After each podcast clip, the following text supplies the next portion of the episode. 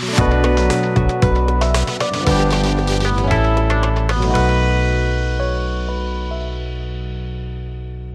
Hirdis'ten merhaba ben Elif Çetin. Ben Elif Önal. Bugün e, sports marketing konuşacağız.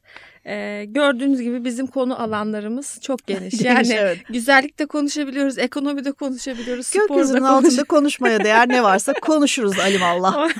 konu başlıklarımız böyle. Neden e, bu konuyu seçtik? Bildiğiniz gibi e, bizim seçtiğimiz konuların bir özelliği var. E, daha anlatılması gereken, daha açıklanması gereken, değişen iş dünyasının içerisinde yeni bir yer bulmaya çalışan, yeniden anlamlanmaya çalışan şeyleri öncelikli olarak anlatmaya çalışıyoruz. Spor pazarlaması da bunlardan bir tanesi. Bir pazarlama alt e, kolu diyebileceğimiz bir şey aslında. E, dünyadaki farklı kültür ve sosyal statüden insanların bir araya gelerek e, birlikte tüketebildiği bir ortak e, ürün aslında e, spor. E, bir taraftan da bu ürünü markalaştırabildiği bildikleri ya da kendi e, ürünlerini e, satabildikleri e, bir şey var, e, süreç var. Tabii ülkemizde baktığımız zaman e, 20 yıldan az spor pazarlamasını geçmişi. Sen birazdan Hı-hı. onlardan bahsedeceksin biliyorum. Ama benim şahsi düşüncem mesela şöyle hemen en başında tansiyonu yükselteceğim. Şimdi e, çok açık bir şey var ki biz bir pazarlama ülkesi değiliz. değiliz yani evet. bir marketing evet. şeyi değiliz, ülkesi değiliz. Zaten bunun en önemli göstergelerinden bir tanesi de yıllardır hala neden bir dünya markası çıkartamıyoruz sorusunu hı hı. sormaya devam ed- ediyor olmamız. Dolayısıyla biz genel olarak pazarlama yapamadığımız için daha niş bir alanı olan spor pazarlamasını da bence yapamıyoruz. Hakkını Burada vererek spor ya da pazarlamasına niş demek bence doğru değil. Ee, yani çünkü niş olamayacak kadar büyük bir şeyden bahsediyoruz aslında. Ama genel pazarlamayı yapamadığımız gibi özelleşmiş pazarlama faaliyetlerinde de iyi diyeli, değiliz diyelim. Ha belki öyle. Yani niş deyince benim aklıma küçük bir şey geliyor çünkü.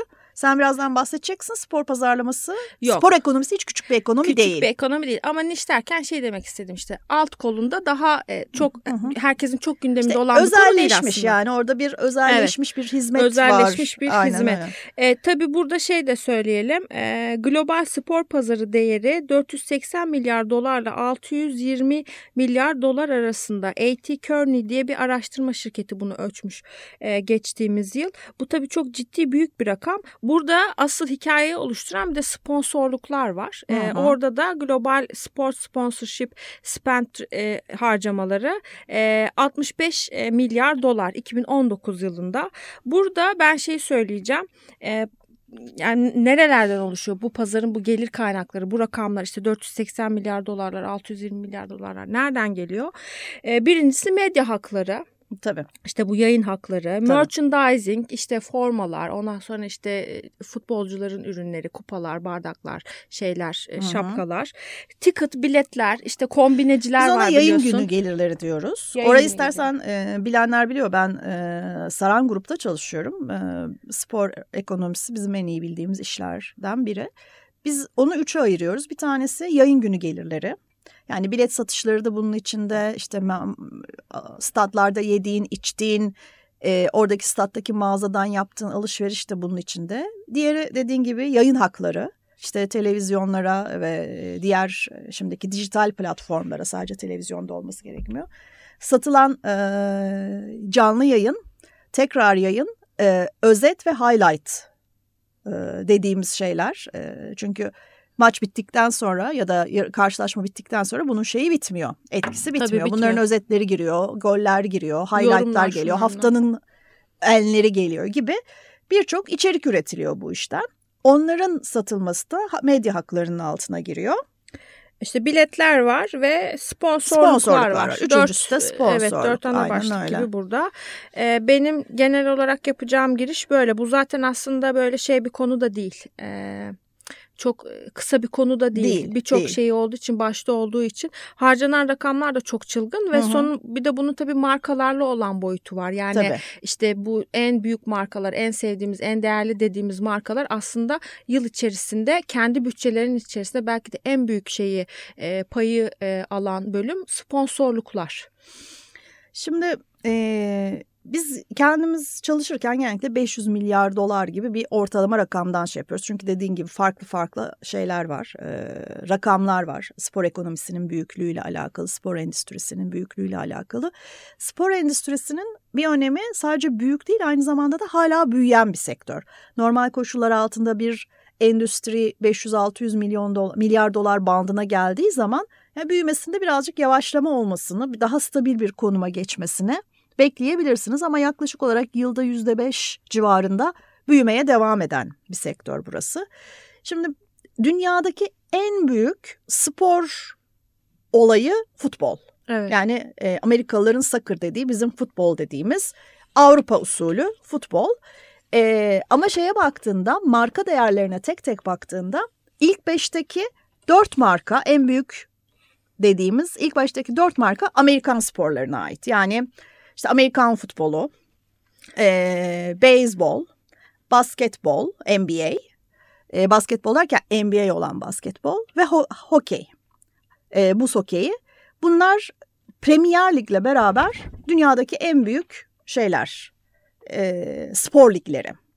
Amerikan Futbol Ligi, NFL, NBA, Ice Hockey Ligi Beyzbol Ligi ve Premier Lig. Bunlar ilk beşi oluşturuyor. Bundan sonra bir şey var. Bunların rakamları hep böyle çok büyük rakamlar. Ee, işte milyar dolar, 10 milyar dolar, 12 milyar dolar, 15 milyar dolar civarındaki büyüklükler. Ondan sonra bir kırılma yaşılıyor. Daha böyle 1-2-3 milyar dolarlık daha küçük şeyler girmeye başlıyor. İşte bunların içinde e, Formula 1 var. Hı hı. Bunun içinde tenis ATP var. tenis var. İşte motor sporları var. Motor, motor spor bike var gibi gibi. Şimdi burada e, bu işin bu kadar büyük olmasını ve büyümeye devam etmesinin en önemli sebebi tabii çok insanın içinden bir şey e, getiriyor olması. Ne demek bu? İnsanların sevdiği, benimsediği, tutkuyla beslediği. Biz şimdi diğer bütün pazarlama faaliyetlerimizde yaşadığımız en büyük sıkıntı nedir? İnsanların bizim fanımız olmasına, avukatımız olmasına, bizden bizimle ilgili sorunlara bizden çok üzülmesine, da bizimle ilgili kazançlar bizden çok sevilmesine sebep olmaya çalışırız. Şimdi sporun içinde bu otomatik olarak var. Dolayısıyla katlanarak artan bir etkisi var. zaten orada given fen, bir şey. Yani fen elde etmeye çalışırsın ya, follower elde etmeye çalışırsın ya. Pazarlamada yaptığın en önemli şeylerden biri budur. Bu kendiliğinden olan bir şey sporun içinde. Bir başka sebebi de spor endüstrisi dediğimizde işte saha gelirlerinden gıdaya, marka ürünlerden yayın haklarına pek çok sektör bu işten besleniyor. Şimdi oturdum aklıma gelenleri yazdım. Spor endüstrisiyle beraber birebir iş yapan ve bundan birebir para, para kazanan diğer sektörler, sektörler, endüstriler neler diye. Mesela inşaat sektörü. Şimdi olimpiyatları alıyor mesela bir ülke. 8 yıl sonraki olimpiyatlar için inanılmaz bir inşaat çılgınlığına başlıyor. Mesela üretim sektörü sürekli olarak markalı ürün üretiliyor. Gıda sektörü Teknoloji sektörü, şimdi giderek birazdan konuşacağız. Yani dijitalin sporun içindeki de sporun pazarlamasının içindeki de rolü direkt artıyor ve bir sürü yeni ürün ve şey çıkıyor. Yani neredeyse artık büyük takımların işte şey e, fitness club'ları şeylere benzemeye başladı. Uzay üstüne benzemeye başladı. Zannedersin as, e, şeye Mekke'ye astronot yetiştiriyorlar. Turizm sektörü, insanlar bu amaçla sürekli olarak bir yerden bir yere gidiyor. Reklam sektörü, birazdan detaylı bahsedeceğiz. Sağlık sektörü, ulaşım sektörü, medya sektörü, eğlence sektörü. Zaten daha ne olsun? Daha ne olsun yani zaten herhalde toplam... Lokomotif aslında gizli lokomotif gibi. Aynen öyle. Bu arkadan iten lokomotifler vardır ya hani Hı-hı. önden çekmez de Hı-hı. birazcık böyle bir durum var gerçekten. Ya zaten mesela Türkiye ekonomisinde kayıtlı 30-35 tane ana sektör var. İşte bunların en büyük 10 tanesini saydık. Daha bak ha, finans sektörü. Bunların sürekli bir finansman sonuçları ihtiyaçları var biliyorsun. Dolayısıyla en büyük 5, 10, 25 marka şey sektörü saydığında hepsi bir şekilde spor endüstrisiyle iç içe yaşıyorlar. Kayıtlı olmayanlar var bir de biliyorsun stat köftesi diye bir şey vardır. Aynen öyle. Bir de bunun şey e, kayıtlı olmayan kayıt Tabii. dışı ekonomisi var. Ee, şimdi biraz önce dedim ya dünyanın en büyük e, spor markası ligi e, şey futbolu Avrupa futbolu e, bizim futbol dediğimiz şey yani. Tüm e, finansal gelirler içinde yüzde 43 paya sahipmiş bu. Evet. Korkunç bir pay gerçekten. Bunun arkasından Amerikan futbolu geliyor NFL. Burada %13 bir pay varmış. Bunun arkasından beyzbol geliyor %12 ile. Sonra Formula 1 geliyor %7. Basketbol geliyor %6. Sonra işte ice hockey, tenis, golf gibi azalarak devam ediyor. Ama e, bence buradaki en önemli şeylerden biri hep kendi kendime düşündüğüm bir şeydir. Şimdi Türkiye'de bizim biliyorsun toplam bir buçuk tane spor ligimiz var diyelim. Yani bir süper lig var. Herkes futbol seviyor, seyrediyor. Bir de zaman zaman yükselen, zaman zaman düşen ve sürekli yer değiştiren basketbol ve voleybol var. Yani bir buçuk tane ligi besleyemiyoruz bile şimdi e, liginde, kulüplerinde durumu meydanda. Amerika'ya baktığında adamların dört tane çok büyük ligleri var. Ve bunu besleyecek bir ekonomi yaratabiliyorlar.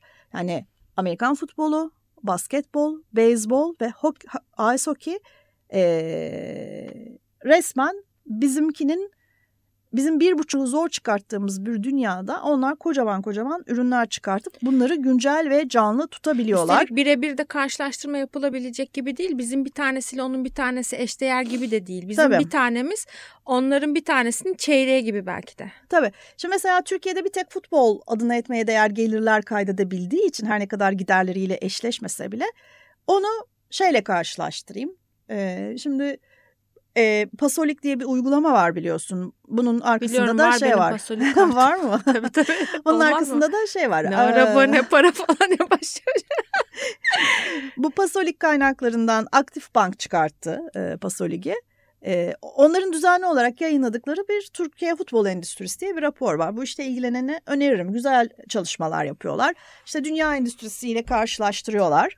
E, oradaki rakamlara baktım mesela. Premier Lig'in yaklaşık olarak varlıklarının şeyi e, gelirlerinin toplamı yaklaşık olarak 9 milyar dolar yıllık. Evet.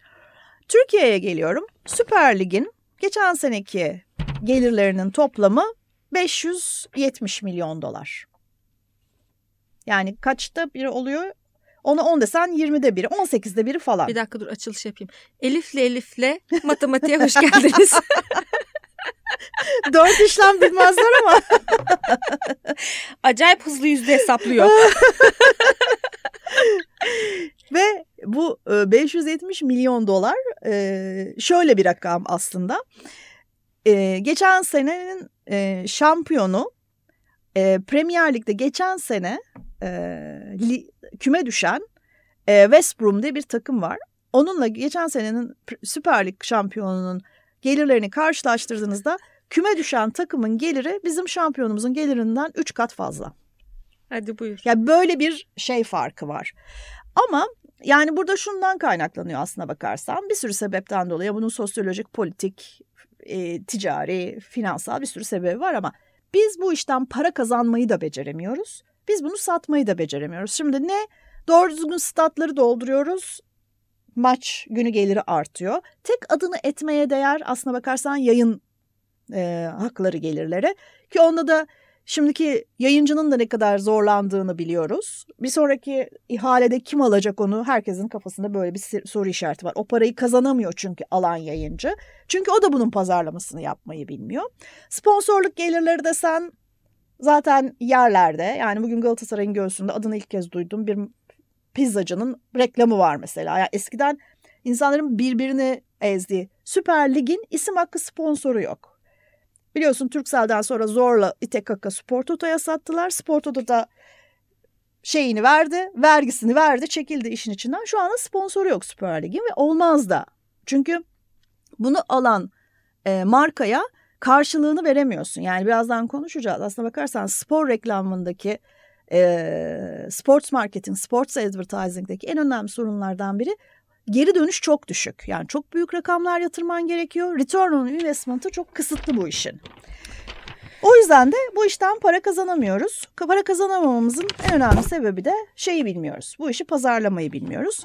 Bunu neden ne kadar bilmiyoruz dışında yani bilmiyoruz yapamıyoruz bu tartışmalı konular ama e, şöyle bir şey söyleyeyim. E, La Liga biliyorsun İspanyol futbolu bu pazarlama işini en iyi yapan marka bence. Yani Premier Lig bile 8'e katlar.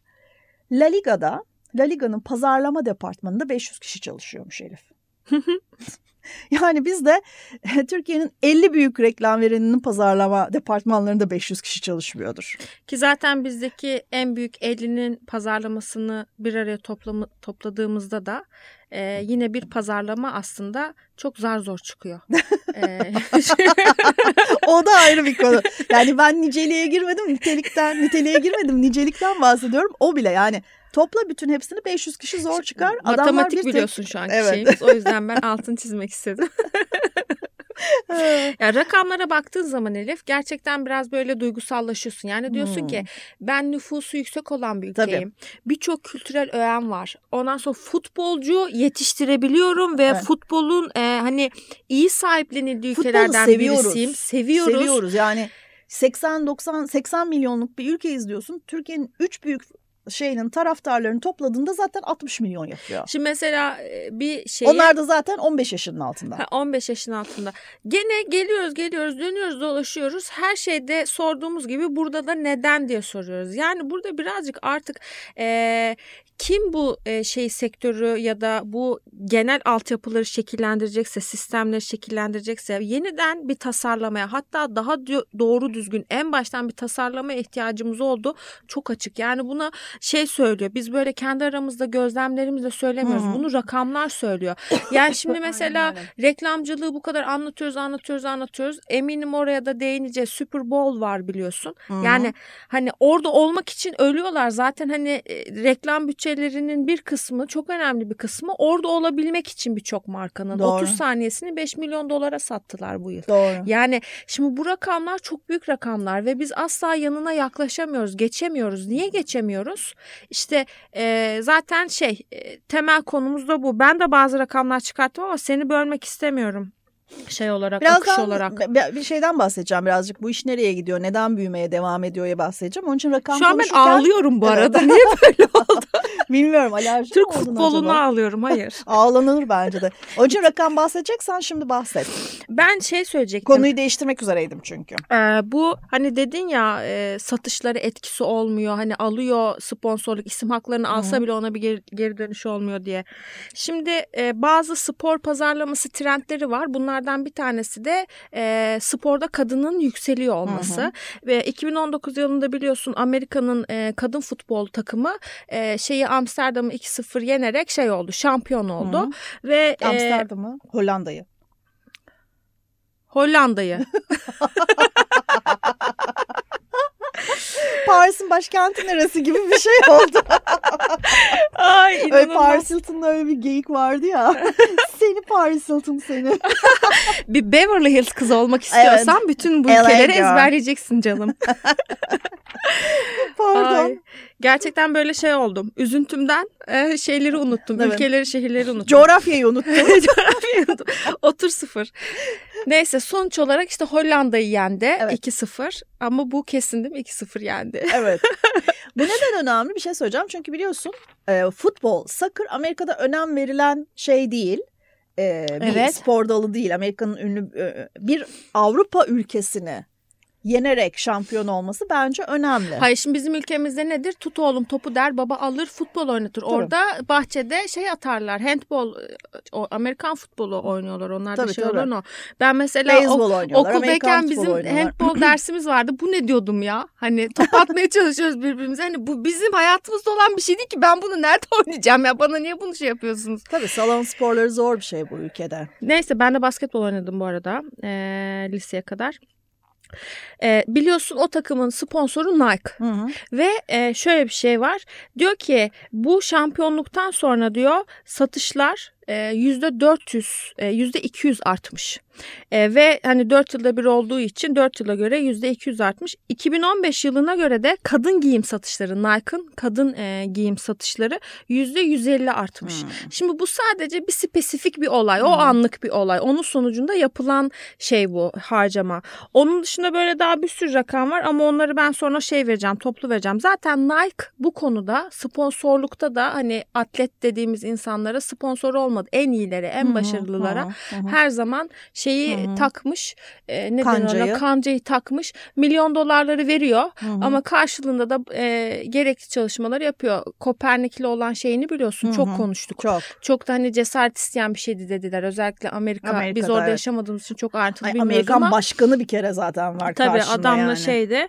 O yüzden ben bunu söyleyecektim. Yani doğru yaptığında bunun satışları etkisi zaten görülüyor. Görülmüyor değil. Ama burada çok büyük sorunlar var. Sadece bu e, bizim pazarlamayı bilip bilmememizle ilgili değil. Türkiye'de Hı-hı. futbol farklı ya da spor farklı ele alınan bir konu olduğu için biraz daha e, zorlukların söz konusu olduğunu üstü kapalı söyleyebilirim diye düşünüyorum. Peki tamam.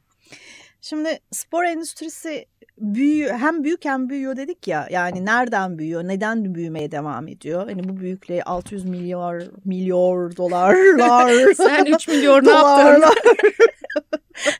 öyle bir rakam ki dilim dönmüyor 600 milyar dolar res rakamına geldikten sonra hala büyümeye niye devam ediyor dersen çünkü hem insanların aşkı ateşi devam ediyor hem de çok büyümeye ve dışarıdan gelecek gelişimler, gelişimleri açık tutuyor kendini.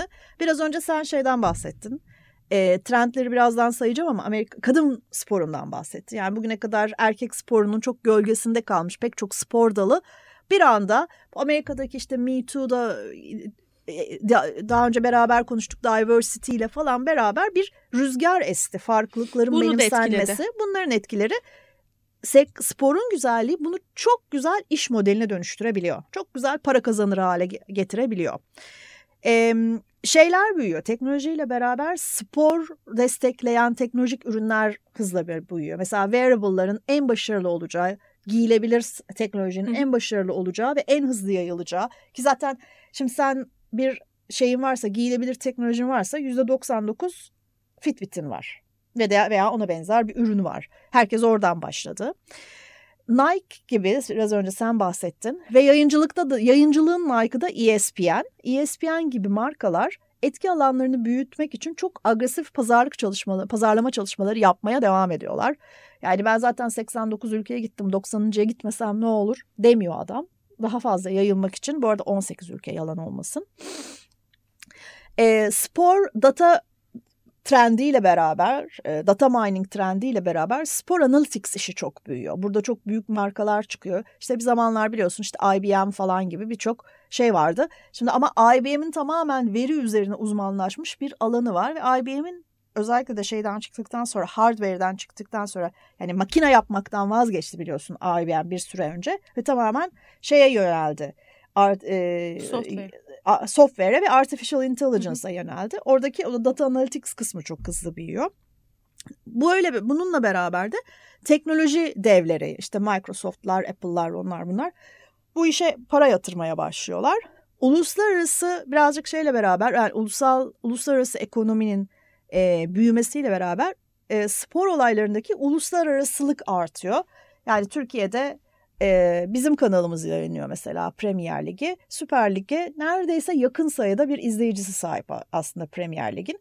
E, bir, bunun bir sebebi Türkiye'deki futbol kalitesinin çok düşmüş olması. Yani insanlar aslında sadece taraftarlık sebebiyle izliyorlar.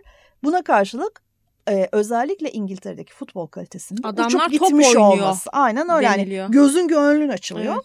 Ve birazdan bahsedeceğiz. Aslında bence e-spora ayrı bir chapter açmak bence lazım. Bence kesinlikle o çünkü çok büyük bir dünya Aynen şu anda. öyle. Aslında bu işi en büyüten şeylerden biri de e-spor. E, e-spor gelir, gelirleri e, gene AC Kearney'e göre sen de biraz önce ona dayanmıştın. 2019'da 1.1 milyar dolar seviyesine gelmiş. Burada da inanılmaz bir şey var. Bu bir de birazcık daha oyun gibi olduğu için çok da fazla ödül parası var bunun Hayır, içinde. Hayır benim şimdi hep diyorum ya biz bir isim buluyoruz isim koyuyoruz diye. Şimdi benim bu son zamanlarda en dahice bulduğum isimlerden bir tanesi bu oyuna e-spor demek. Bence inanılmaz zekice bir şey. Doğru söylüyorsun. Çünkü hani saatlerce oyun oynuyorsun. Kalk çocuğun bilgisayarın başından diyorsun. Hayır spor yaparım. Tabii tabii e-spor deyince olayın kapsamı birden değişiyor yani. Kim bulduysa şey, Tebrik beynine ediyoruz sağlık. kendisini. Ee, şimdi bir de şey neden bahsettik? İşte neden büyümeye devam ediyor? Trendler nereye gidiyor? İşte yaklaşık yüzde beşlik bir büyüme yıllık bence çok önemli bir şey bu rakamlar için. Ee, birincisi e-spor dedik. Çok hızlı büyüyor. İkincisi sponsorluklar. Sponsorluklar çok çok hızlı büyüyor. Türkiye'de başarılı olamasak bile biz bunu satmakta. Ondan sonra e, yayın hakları çok hızlı büyüyor. Çünkü yayın haklarının artık şeyi ortadan kalkıyor. kalkıyor. Coğrafi sınırları ortadan kalkıyor. Hı hı. Yani bugün Premier Lig dediğin şeyi dünyada işte 80 milyon ülke, 80 tane ülke yayınlıyor falan gibi. E, ve bir de tabii şey artıyor. Bahis işi artıyor. E, burada yasal bahisle beraber e, spor bahisi çok çok önemli bir faktör. Orada da çok ciddi paralar kazanıyor. Bunun da en önemli sebebi aslında dijitaldeki patlama. Yani fiziksel olarak bir yerde bulunman ve bir şey yapmanın gerekmediği bir ortamda bahis oynamak çok kolay ve birazcık da tehlikeli tabii ki. Evet. Şimdi e, bilen biliyor, takip eden biliyor. Bu işin geçmişinden bahsetmezsem olmaz. Olmaz. Tabii tabii. Olmaz. Bu noktaya nasıl Derinlere geldik? bir inelim. İnelim. Bu noktaya nasıl geldik? Şimdi bir kere şunu söyleyeceğim. Türkiye'de çok az bilinen bir spor beyzbol. Ben pek anlamıyorum da. Yani niye o topun arkasından o kadar insan etraflarında 8 tur, tur atıyorlar. Bence çok sıkıcı bir spor. Saatlerce hiçbir şey olmuyor. Hatta kendileri de böyle dalga geçiyorlar. İşte e, iki vuruş arasında uyuklayabildiğin spora beyzbol denir falan gibi hikayeleri var onların. Ama spor pazarlamasında yani markaların sporla pazarlama yapmasındaki lider bu işin çığırını açan, yolunu açan beyzbol. Biraz sonra vereceğim örneklerin neredeyse tamamı bir beyzbol stadyumunun ya da bir beyzbol kulübünün etrafında çekillenmiş. Ya, o da çünkü Amerika'da o yıllarda en çok sevilen sporun o olmasından kaynaklanıyor. Herkesin evinde bir beyzbol sopası var. Oynasın oynamasın. Hani burada bizim e, levye işlevi görüyor birazcık ama muadil Biliyorsun böyle bir hikaye ama vardı. Türkiye'de, Türkiye'de evet beyzbol sopası evet. satışlarındaki patlama çünkü evet. güzel kafa patlatıyor demek ki. Şimdi stadın kenarına koyduğum bu tahta şeylerden, panolardan bugün jumbotronlara, şu büyük dev ekranlara falan giden yolculukta e, ve de işte e, Super Bowl'a verilen 5 milyon dolarlar. 5 milyon. Tatlım seni acilen giden... ben çıkışta sana bir, bir milyar bir yollayayım. Sen şöyle bir, bir alış. Şöyle bir at yani. O sende tutukluk yapıyor. ya bunlar nasıl rakamlar Elifçim ya?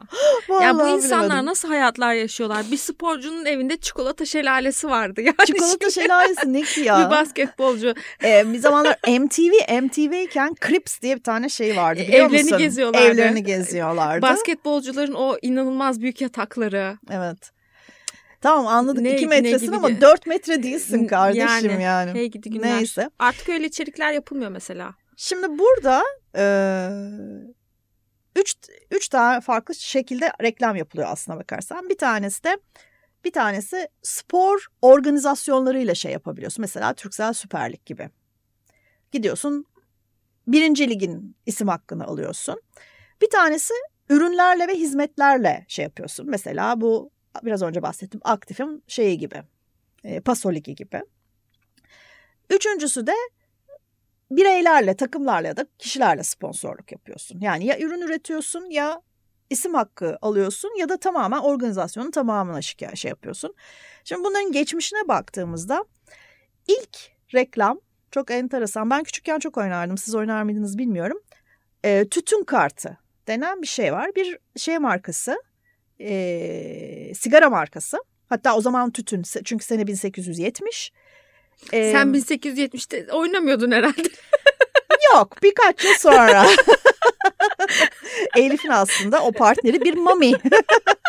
Mumyaladılar beni. Bu tütün kartlarında da beyzbolcuların şeyleri var. İstatistikleri var. İşte adı, soyadı. işte o kadar bilmiyorum ki beyzbolu. Beyzbol istatistiği nedir onu da bilmiyorum. Onunla ilgili istatistikleri var. Bunlar böyle şey işte alıyorsun, buluyorsun, eşleştiriyorsun. Çocuklar arasında bir oyun, oyun. haline geliyor bu.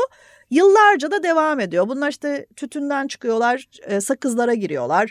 Evet. Ondan sonra sakızdan çıkıp kutulara girip oyun oluyor, oynuyorlar. Biz şöyle bir şey oynardık. Savaş uçakları e, işte hızı bilmem kaç saniye ve otomobiller işte yüzden e, sıfırdan yüze kaç saniyede geliyor motor hacmi bilmem ne falan. Mesela dersin ki motor hacmi benimki 1800 seninki 1900 sen yendin benim kartımı sen alırsın. Böyle bir oyun oynardık.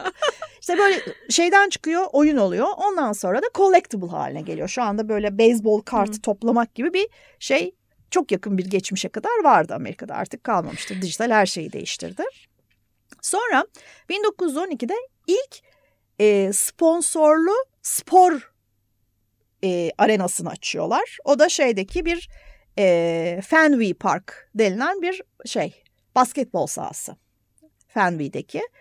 1925'te Goodyear ilk Zeppelin'ini yapıyor. Gözünde canlandı evet, mı? Evet, Çok meşhur evet, bir şeydir evet. bu. Aslında bir sıcak hava balonu. Zeppelin evet. demek doğru değil. Bir structure yok. Şişiriyorsun, uçuyor. Bağladığın yerde duruyor. 1925. 1925'te. Hı hı. Ondan sonra tabii başka markalarda yapmak istiyorlar. Başlıyorlar ama Goodyear işte bunu yapıyor, şişiriyor. Götürüyor bir tane beyzbol sahasına bağlıyor. Böyle sen diyorsun oluyorsun. Gerilla aslında bak. Gerilla birazcık da. Ondan sonra 1934'te General Mills adında bir e, şey şirketi, e, gıda şirketi ilk şeyi yapıyor. Markalı içer, içeriği ürünü üretiyor. Şeylerinden birine, e, kahvaltı gevreklerinden birine şampiyonların kahvaltısı adını koyuyor ve şeyle beraber e, değişik şeylerin sporcuların fotoğraflarını koyarak bu kutuları üretiyor. Bu da 1934. 36'da Adidas giriyor hayatımıza ve çok enteresan bir şekilde giriyor. Bunu ben araştırma yaparken gördüm. Detayını okuyamadım. Ee, Berlin Olimpiyatları öncesinde 36'daki e, şeye e, sponsor oluyor. Jesse Owens'a sponsor oluyor. Hmm. Ve Jesse Owens'ın e, birazcık böyle kara koyun e, şeyde teşbihte hata olmaz istenmeyen adam gibi bir şeyi var. Çıkı, çıkışları var özellikle ırkçılıkla ilgili. İşte Amerikan e, Olimpiyat Komitesi'ndeki ayrımcı davranışlarla falan ilgili çıkışları var. Bunu bile bile 36'da Nazi Almanya'sında Adidas Jesse Owens'a e, sponsor oluyor ki oradaki şeyden sonra yarışlardan sonra çok biliyorsun klasikleşmiş bir kare vardır. iki siyah atlet e, kürsüdeler Adolf Hitler kalan saçını yoluyor ama bu arada e, e, atletlerin de yumrukları sıkılı bir şekilde havada. Yani herkesi rahatsız eden bir görüntü ve Adidas sponsoru e, Jesse Owens'ın ayağında Adidas ayakkabılar var. Bence çok öncü ve zamansız evet. bir hareketmiş gerçekten. 39 yılında ilk spor karşılaşması televizyondan yayınlanıyor. 39. 39'da. Ee, bir şey e, beyzbol tabii ilk ki. özel kanalın 90'lı yıllarda açıldığını düşününce aynen, böyle aynen. yine bir ağlayasın Gene bir ağlayasın geldi.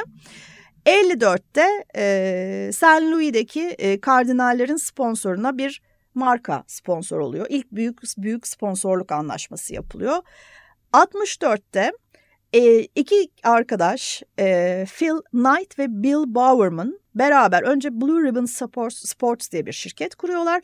Bunu 72'de Nike'a dönüştürüyorlar ve e, Michael Jordan'la beraber başlayan bir kampanyayla e, bu işe adım atıyorlar. O günden bugüne de Nike bu işin en iyi yapan, evet. E, en öncü, en çok para harcayan, en iyi geri dönüş alan markalardan biri olmaya devam ediyor. 79'da ESPN kuruluyor. E, 80'de bu Jumbotron dediğimiz çok büyük şeyler kuruluyor. E, ekranlar statlardaki. Hı hı. Stat içi reklam giderek daha önemli şey bir şey haline gelmeye başlıyor. Ondan sonra da zaten geldik kapıya. Dolayısıyla bu iş son derece hızlı bir biçimde e, adım adım adım adım büyüyerek çok büyük bu bahsettiğimiz 500 milyar dolarlık endüstri haline geliyor. Şimdi aslında burada çok e, temel bir şey var e, açılışta da söyledim ya dünyadaki farklı kültürleri de sosyal statüdeki insanları da bir arada toplayabilen bir olay spor. Mesela işte bir tenis maçını kraliyet ailesinin üyeleri de izler, zenginler de izler. Ondan sonra daha böyle spor meraklıları o işe gönül vermiş olan da izler. Hatta mesela orada top toplayıcılar küçük çocuklardır ki onlar da o kültürlerin içerisinde şey yapsınlar, yetişsinler diye. Burada bu insanlar Amerikalılardan bahsediyorum şunu görüyorlar diyorlar ki madem bizim bu e, sıfırdan alıp işte awareness'tan alıp advocate'e götürmek istediğimiz tüketici zaten hali hazırda oradaysa niçin ben bunu kullanmıyorum deyip etrafına bunun bir şeyler örmek ve sorular sorarak yapıyorlar bunu öyle tahmin ediyorum. Yani evet. işte buraya 5000 kişi geliyor. Ben evet. bu 5000 kişiden evet. nasıl daha fazla Aslında faydalanabilirim? Bence soru da sormaktan da öte yani tabii ki soru sorman gerekiyor ama olaya pazarlamacı gözüyle bakmak. Bence bizim en sık yaptığımız hatalardan biri bu. Bu pazarlama işini, reklamcılık işini ofiste masa başında yapılacak bir iş olarak tanımlamak. İşte değil onu anlatmaya Aynen çalışıyorum. Öyle. Soru soracaksın diyeceksin evet. ki abi her şeyden bu kadar... etkileneceksin. Ha, adam geliyor ne yapabilirim ben bunların şimdi günün sonunda bizim yaptığımız şey ne insanların cebinden biraz daha fazla para almak değil Aynen. mi? Sen almasan bunu bir başkası alacak. Aynen. Yolda geçerken zaten o parayı havaya savuracak. Şimdi bu adam e, televizyonunda evinde izlemek için Dijitürk'e ya da herhangi bir başka bir şey zaten bunun için para veriyor. Bunun Aynen. formasını alıyor taraftar. Yani şey e, şey ne denir ona hastalık derecesinde fanı olanlar var. Şimdi bu adama bir şey satman senin X bir kişiye bir şey satmandan daha kolay. Dolayısıyla da diyeceksin ki işte ben buraya mesela büyük bir ekran koysam nasıl olur? Burada şunu gösteririm. Bu sefer sen mecraları da yaratmış oluyorsun. Bu birbirini besleyen, destekleyen bir ekosisteme, bir zincir halkasına aslında dönüşmüş oluyor. Biz e, şimdi hem bütünü göremediğimiz gibi hem parçaları da oluşturmakta sıkıntı yaşıyoruz gibi geliyor bana. Çünkü eğer yaşamıyor olsak zaten bizim bununla ilgili yeteri kadar malzememiz var elimizde. Doğru. Bununla ilgili bir e, output üretmemiz, bir çıktı üretmemiz eminim aslında hani birkaç e, şeyle e, ufak çabayla kendiliğinden olacaktır diye düşünüyorum. Mesela şimdi e, bazı markalar için sponsorluk o kadar önemli bir konu ki sponsorlukla var olan kendini tanıtan anlatan markalar var. Doğru. Tabii ki şimdi geçmişe baktığımızda e, bundan 10 yıl öncesini 20 yıl öncesini sponsorluklarıyla bugünün sponsorlukları da aynı şeyler değil. Bu da bir kavram değiştirdi, boyut değiştirdi. Mesela BNP Paribas'ın e, tenis turnuvalarına sponsor olması BNP Paribas benim aklıma böyle kazındı. Değil mi? Ya da işte ne bileyim Mastercard. Ya banka olarak tanımıyorsun belki ama. E, hayır kesinlikle Tenisin hiçbir ilişkim yok. sponsoru olarak tanıyorsun. Evet tanıyorum ama herhangi yani awareness noktasında evet bana bir katkısı oluyor. Mastercard, UEFA Şampiyonlar Ligi hemen arkasından e, şey slogan zihnimde geliyor. Kendi kendini tamamlıyor, okuyor. Ondan sonra şeye bakıyorum. E, dünyadaki en fazla e, şeye spora spo, e, sponsor olan markalara bakıyorum. İlk 8'e Pepsi, Red Bull, Coca-Cola, Samsung, Puma, Adidas, Reebok ve Castrol şey etkinliklerine, evet. e, spor etkinliklerine. Sonra e, böyle çok enteresan olaylar gördüm. Mesela e, 2018 yılında Amerika açıkta Serena Williams'ı yenen Japon bir kız vardı. Hatırlıyor hmm, musun? Naomi Osaka. Bu e, şeyde yendikten sonra hemen arkasından 8,5 milyon dolarlık Adidas'la anlaşma imzalamış. Sonra evet. Nike'a geçti. Şu anda Nissan'ın e, Next Brand Ambassador'ı. Şimdi Brand Ambassador'lık da mesela enteresan bir konu. Hani sponsorluk onun işte şeyi olması başka bir şey. Senin markanın e, temsilcisi olması başka bir şey. Hep bunlar bak gördüğün gibi silindir iç içe geçmiş alt kollar aslında, yaratıyor. Aslında şöyle düşün. E, zaman değiştikçe hep konuşuruz ya zamanın ruhu Hı-hı. diye bir şey var. Yani o, o günün gerektirdiği bazı şeyler var. Anlam da değiştiriyor. Senin eskiden o adama sadece Lacoste tişört ya da Nike tişört gönder giydirmen yetiyordu. Artık yetmiyor. yetmiyor. Artık bunun senin için senin adına konuşuyor olması lazım. Çünkü insanların birincil tekil şahıs konuştuğu bir dönemde yaşıyoruz artık. Şimdi burada istersen artık bir ara verelim. İkinci bölümde de pazarlama ve reklamla ilgili daha spesifik konular konuşalım Elif. Tamam her zamanki gibi şey yapamadık yetiştiremedik çok notumuz öyle. vardı. Ama şey e, ayrıntılı bir şekilde incelemek evet. bence iyi oluyor. Evet. Bizim sektörümüzde özellikle bakmak şey faydalı. Çünkü bunu zaten oluşturan ağırlıklı bizim, bizim sektörümüz. Övünmek gibi olmasın. Peki o zaman şimdilik bu kadar. Hoşçakalın. Hoşçakalın.